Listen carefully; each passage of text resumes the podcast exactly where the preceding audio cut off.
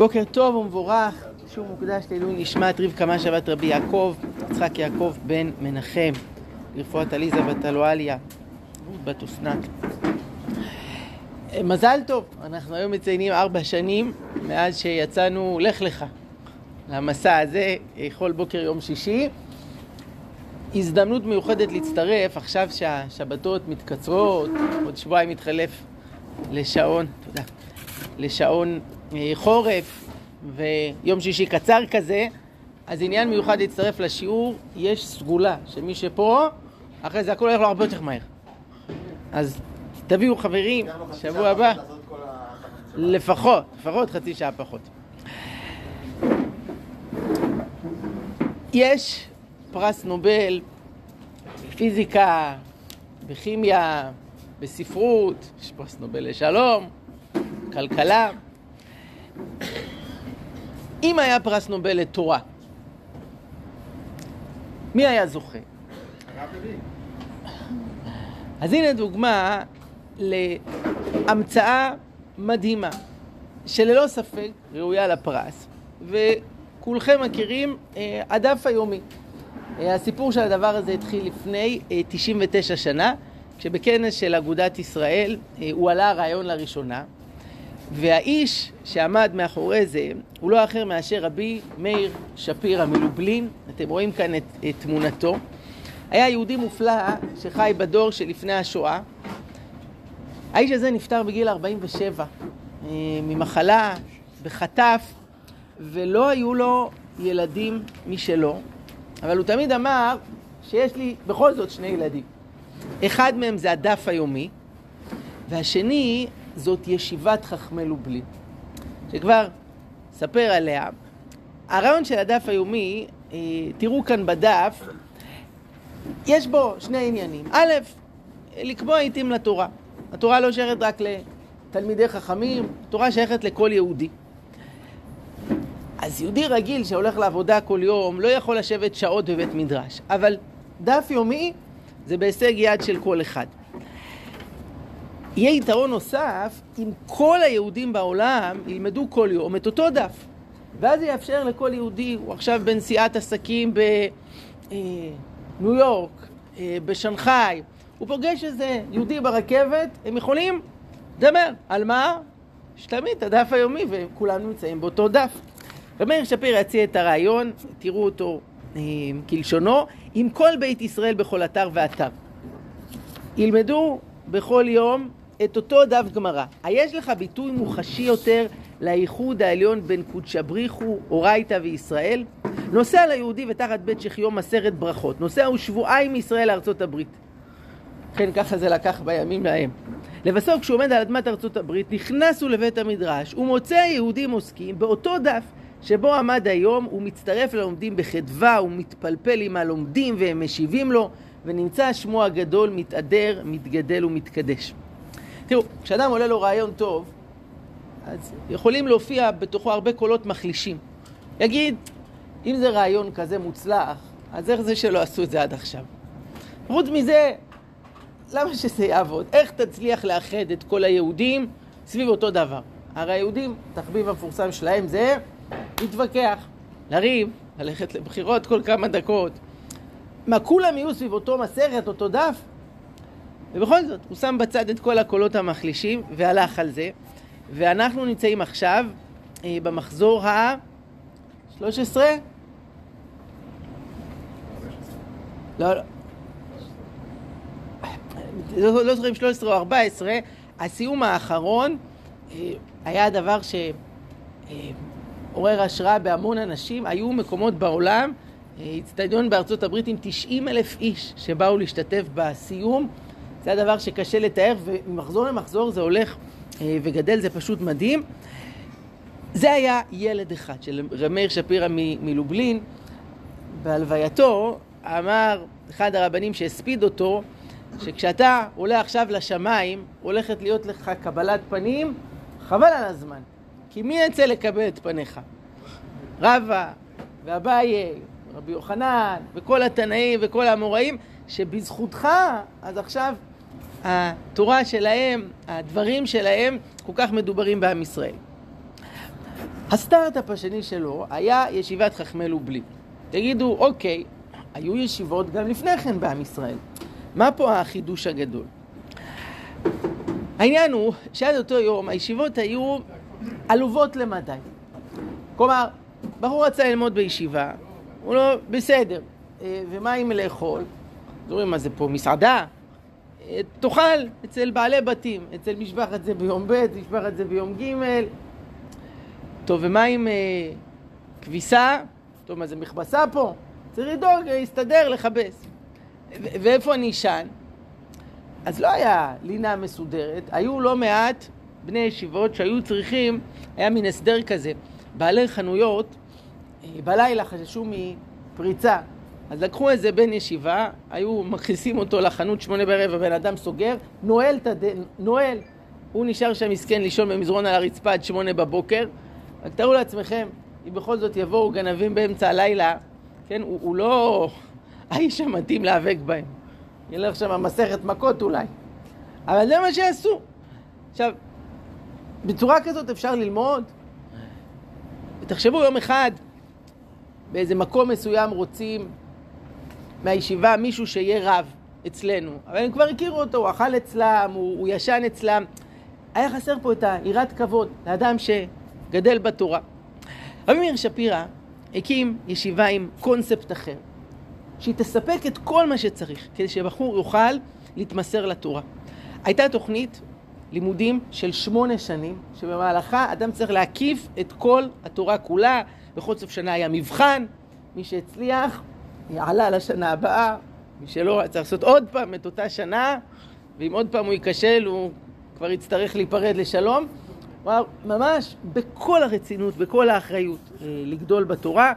והישיבה הזאת הציעה לא מעט מגדולי ישראל בשנים הקצרות שהיא עמדה אה, על תילה. אה, כבר נסביר מה קרה.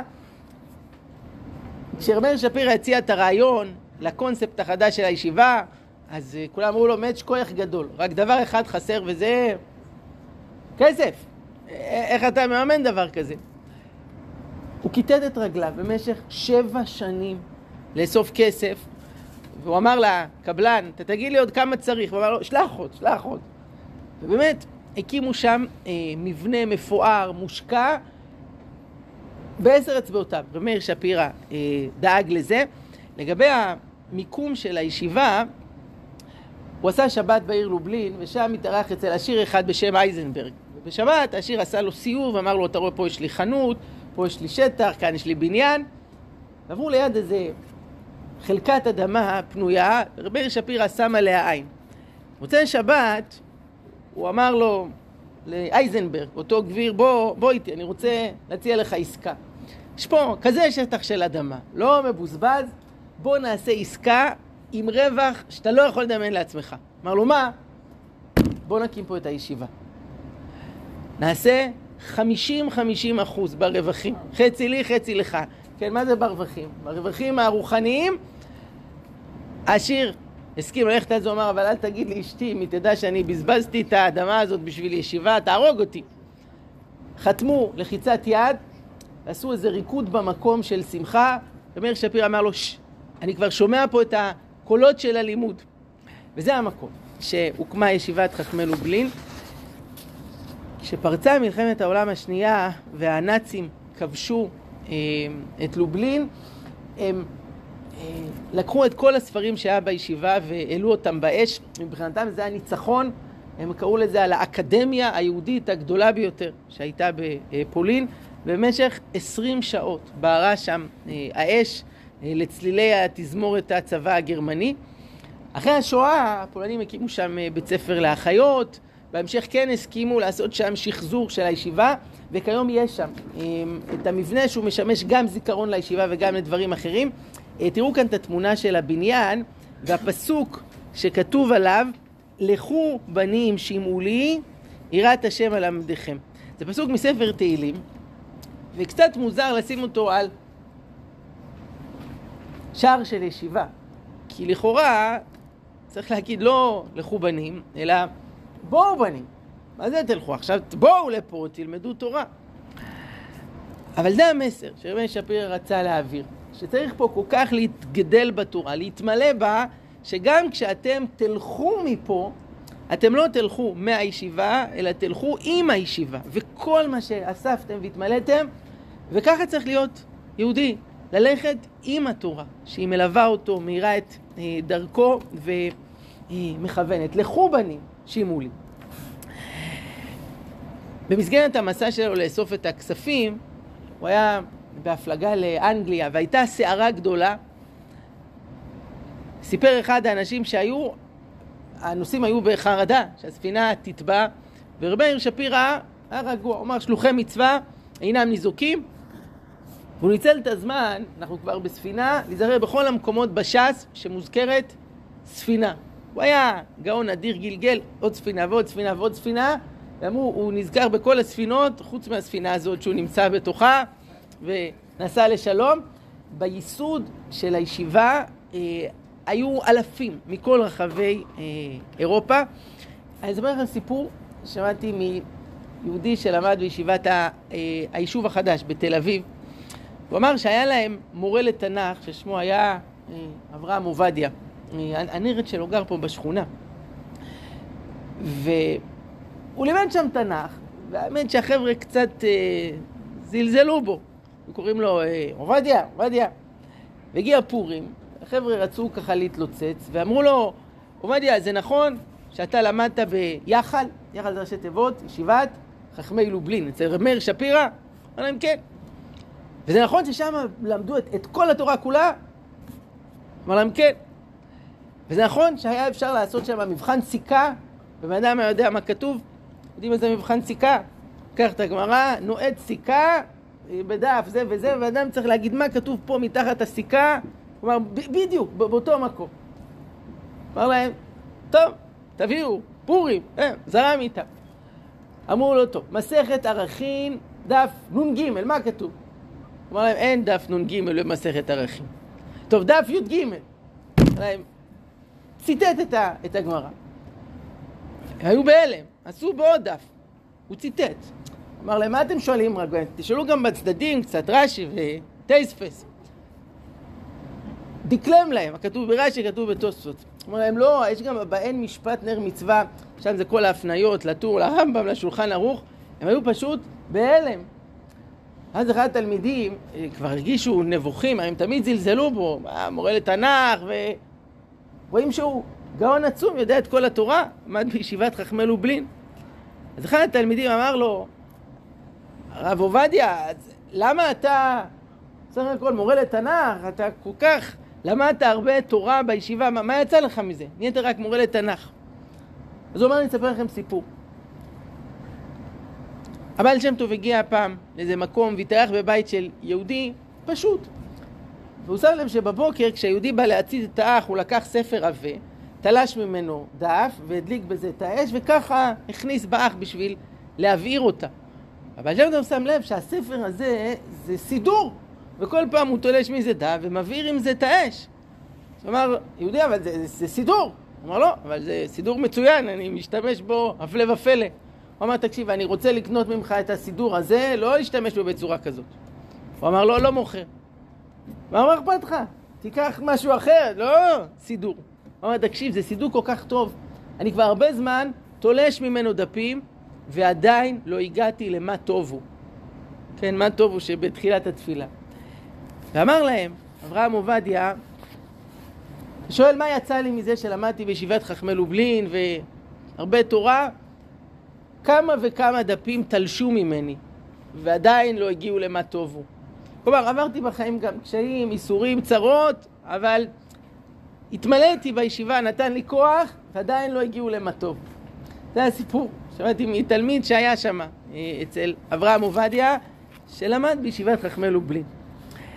רב מאיר שפירא אה, רצה לעלות לארץ ישראל, וזאת הייתה התוכנית. הוא אמר, אחרי שראיתי שהצלחתי להקים פה את הישיבה בלובלין, אני רוצה להקים אותו דבר בירושלים. הישיבה הגדולה, מפוארת, הוא התנסח שהבניינים שלה יביישו את הבניינים של האוניברסיטה. כלומר, מי אמר שישיבות צריכות להיראות מצ'וקמקות? הייתם פעם בקמפוס של האוניברסיטה העברית, אה, אוניברסיטת תל אביב, אוניברסיטת בר אילן, הטכניון, זה, זה בניינים, זה שטח, זה מעבדות. למה ישיבות צריכות להיות מסכנות, מתחנן לנדבות? אני רוצה לעשות דבר כזה בירושלים, ובשנתו האחרונה הוא תכנן את העלייה לארץ ישראל. לצורך העניין הוא למד אה, סדר זרעים, מצוות התלויות בארץ. אה, בשמחת תורה האחרון הוא התפלל בבית כנסת של החוזה מלובלין, שתמיד התפלל פה בפסח, כי הוא אמר בפסח אני כבר אהיה בארץ ישראל, אז הנה הקדמתי, ובקרוב אני עולה. ושבועיים אחרי שמחת תורה, אה, היה ערב שבת פרשת לך לך, כמו עכשיו, הוא חלה במחלת הטיפוס, ותוך זמן קצר הוא נפטר, זה היה ממש מפתיע.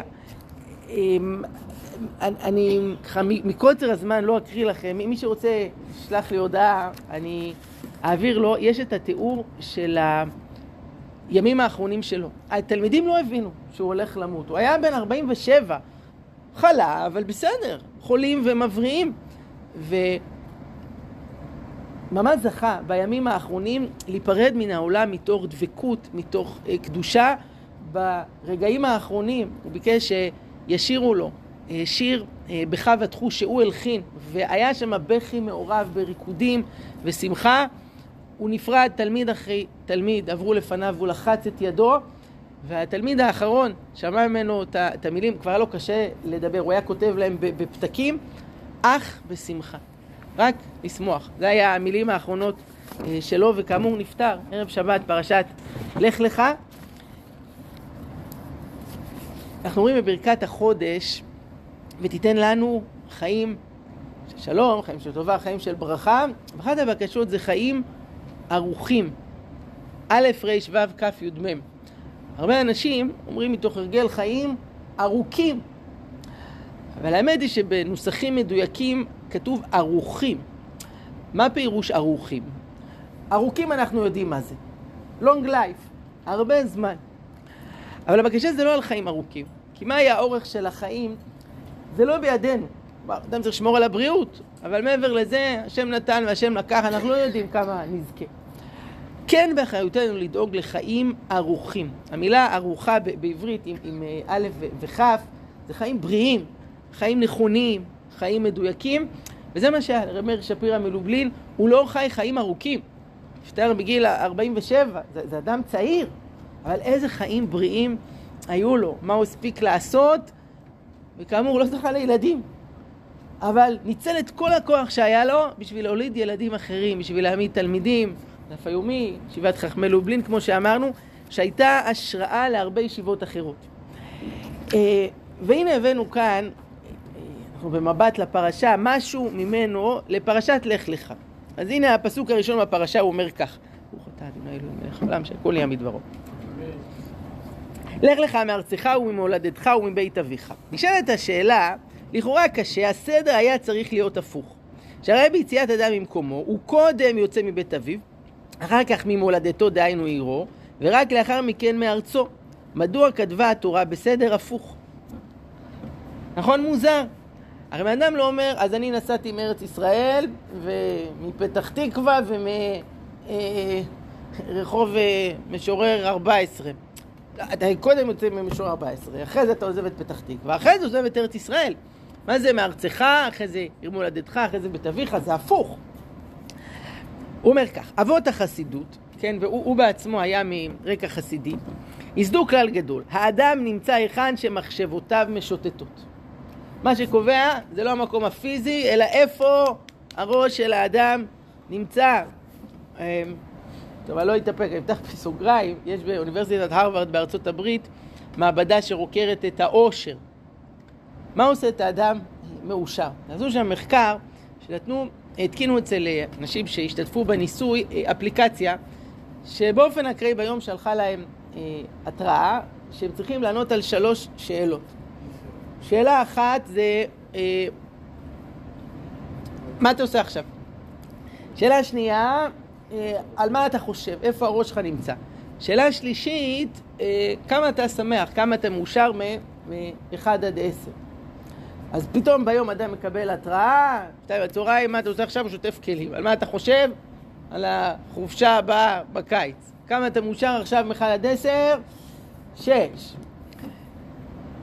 עובר עוד כמה שעות, שוב מקבל התראה. מה אתה עושה? צופה בטלוויזיה. על מה אתה חושב? על הבוס שצעק עליי היום. כמה אתה מאושר? אה? ארבע. ושקלו את הנתונים וגילו דבר מרתק. לא היה קשר בין מידת האושר של האדם לבין הדבר שהוא עשה באותו הזמן. אבל הייתה הלימה בין האושר של האדם לבין המקום שבו הראש שלו היה נמצא. כלומר, הדבר המכריע באמת זה לא אדם, מה אדם עושה, הוא יכול לשטוף כלים. הוא יכול עכשיו להשכיב את הילד לישון, הוא יכול לעשות בישולים, ניקיונות, אבל השאלה איפה הראש שלו נמצא, על מה הוא חושב, מה ה-state of mind. אז זה מה שנאמר כאן, אז הנה יש לזה גם תוקף מדעי, האדם נמצא היכן שמחשבותיו משוטטות. אם הוא נמצא בבית הכנסת ומחשבותיו הם על עסקיו ושדותיו, הרי הוא נמצא בשדה. ואם הוא נמצא במקום עבודתו ומחשבותיו על דברים שבקדושה, או שרושב על בית רבו, הרי הוא שהוא בעצם נמצא במקום קדוש.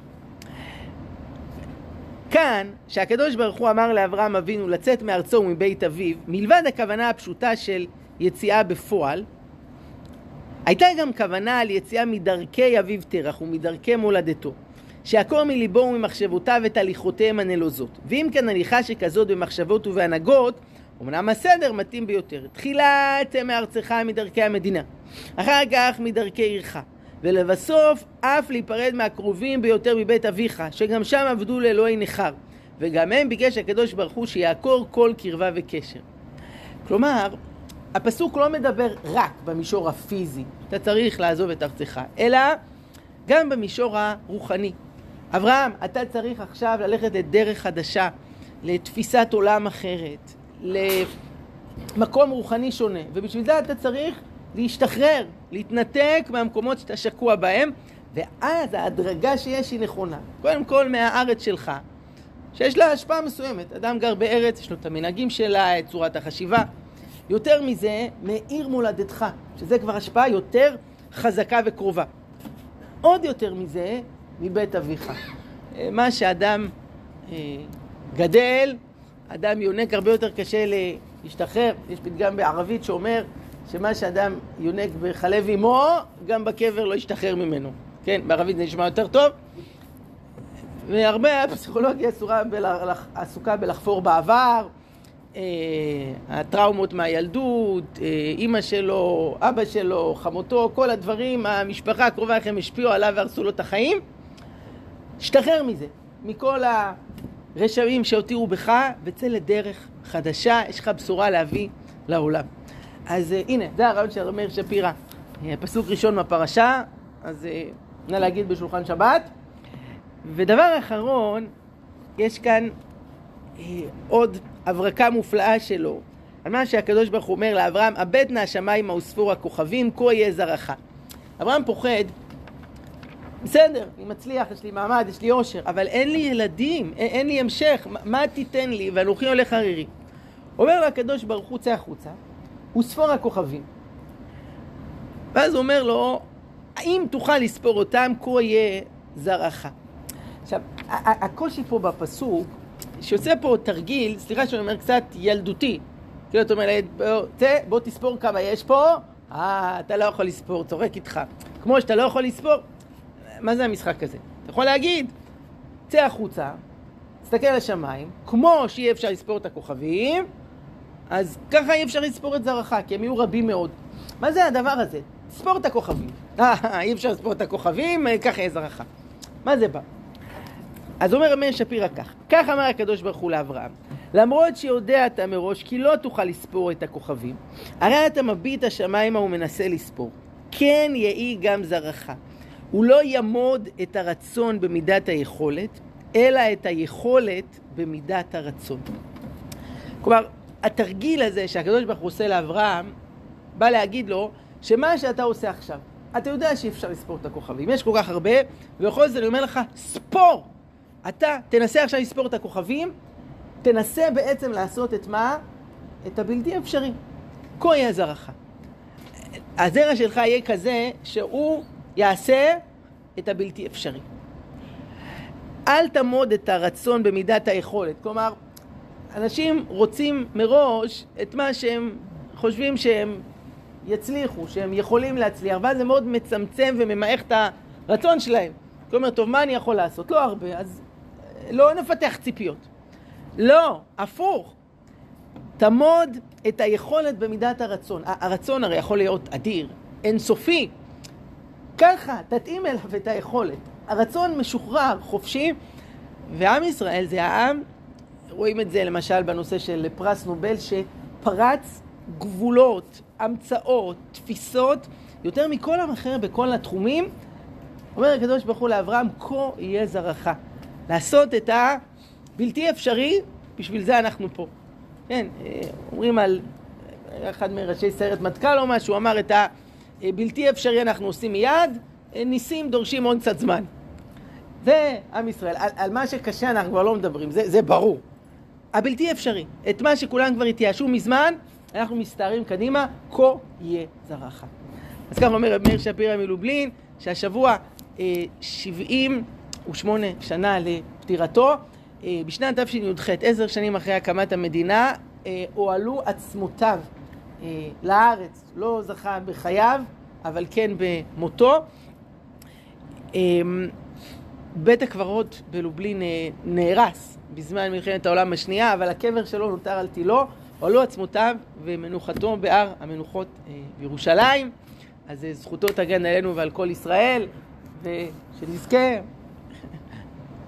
ראינו פה הרבה דברים, על הרעיונות, על החדשנות, על המקוריות. כה יהיה זרעך, גם אנחנו. שבת שלום ומבורך, יישר כוח.